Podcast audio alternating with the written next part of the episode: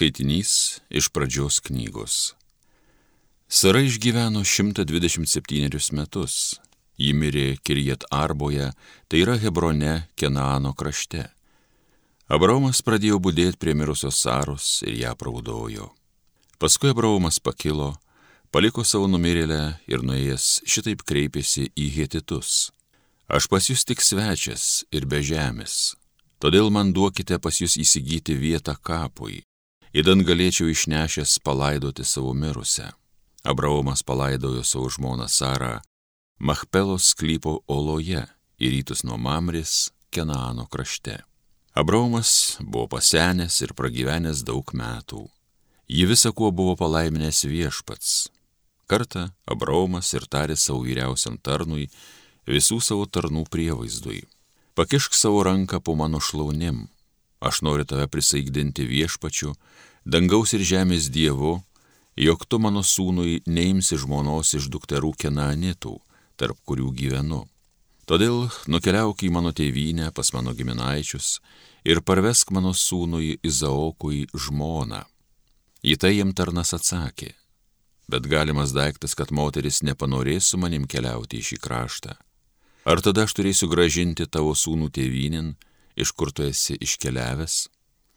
Abraomas atsiliepė, šiukštu, kad mano sūnaus tenai negražintum, viešpas dangaus ir žemės Dievas, kuris mane išvedė iš tėvo namų, iš mano gimtinės, kuris man kalbėjo ir man prisiekė, šį kraštą aš atiduosiu tavo palikuonėms.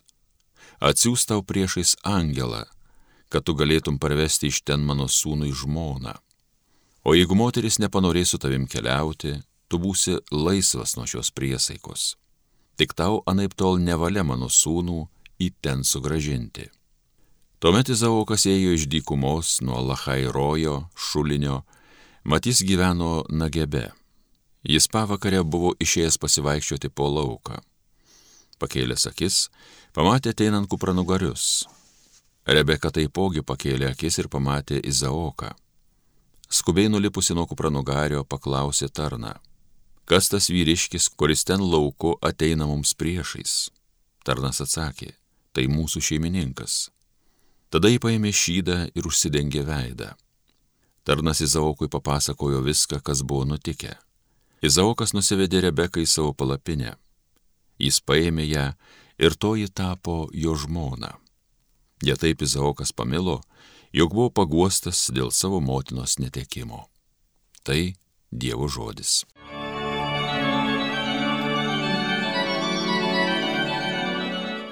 Dėkokite viešpačiui, nes jis geras. Dėkokite viešpačiui, nes jisai geras, jis maloningas per amžius. Kas išskaičiuos didžius viešpaties darbus, kas pajėgs jį kaip dera pašlovint. Dėkokite viešpačiui, nes jisai geras.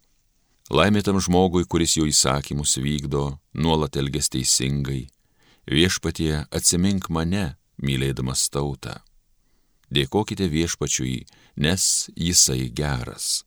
Lankyki mane su savo pagalba, trokštų regėti išrinktuosius laimingus, džiūgauti su tavo liaudim, didžiuotis su paderme tavo. Dėkokite viešpačiui, nes jisai geras.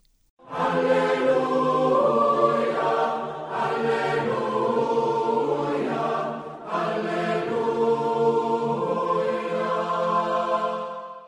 Ateikite pas mane visi, kurie vargstate ir esate prislėgti, aš jūs atgaivinsiu, sako viešpats. Alleluja,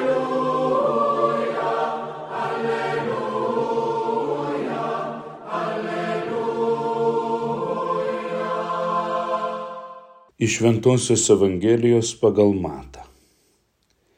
Iškeliaudamas iš Kafarnaumo, Jėzus pamatė muitinėje sėdinti žmogų vardu Matą ir tarė jam, eik paskui mane. Šis atsikėlė ir nuėjo paskui jį. Kai jis mato namuose sėdosi prie vaišių stalo, ten susirinko daug muitininkų bei nusidėlių, kurie susėdo šalia Jėzaus ir jo mokinių. Fariziejai tai išvykę ėmė priekaištauti jo mokiniams. Kodėl jūsų mokytojas valgo su muitininkais ir nusidėliais? Šitai girdėdamas Jėzus atsiliepė. Nesveikiesiems reikia gydytojo, o ligonėms. Eikite ir pasimokykite, ką reiškia žodžiai. Aš noriu pasigailėjimo, o ne aukos. Aš ir atėjau kviesti neteisiųjų, bet nusidėjėlių. Tai viešpaties žodis.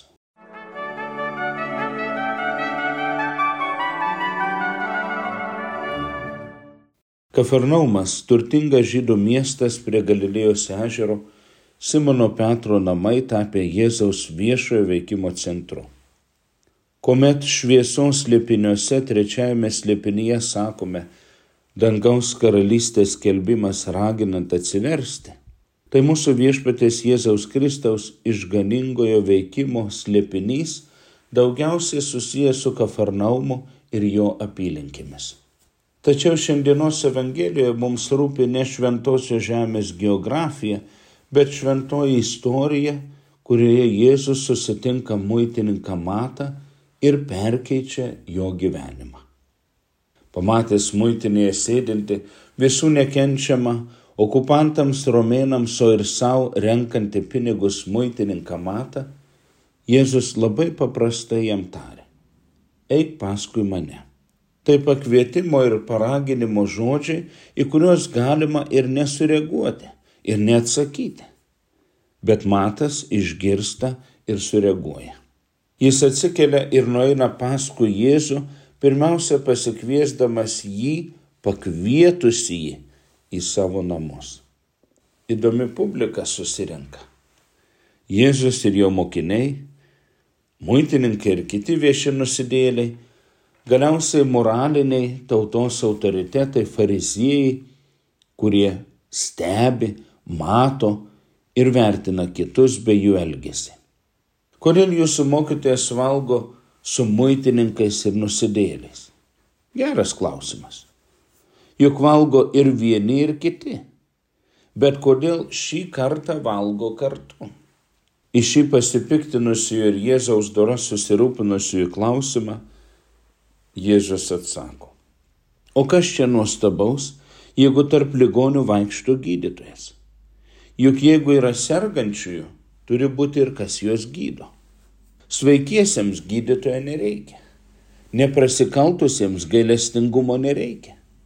Nenusidėlėms atpirkėjo nereikia. Nevargstantiems paguodos nereikia.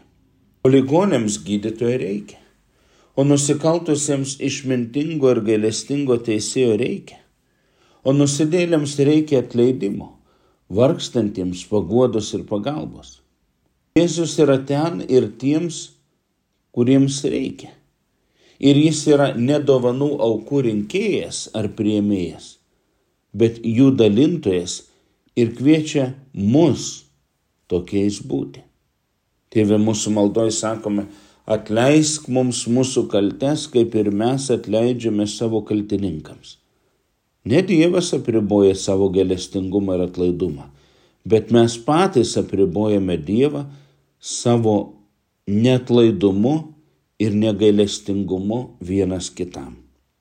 Galiausiai Dievo teisumą Jėzus kviečia sugrįžti neteisiuosius, suklydusius, nusidėlius, nes jam reikia ne dar labiau barstyti, o surinkti. Surinkti muitininką matą, jo bendrus, savo mokinius, surinkti mane ir tave. O stebuklingoji krekinavos Dievo motina, malonių versme, melsk už mus nusidėlius, dabar ir mūsų mirties valanda. Amen.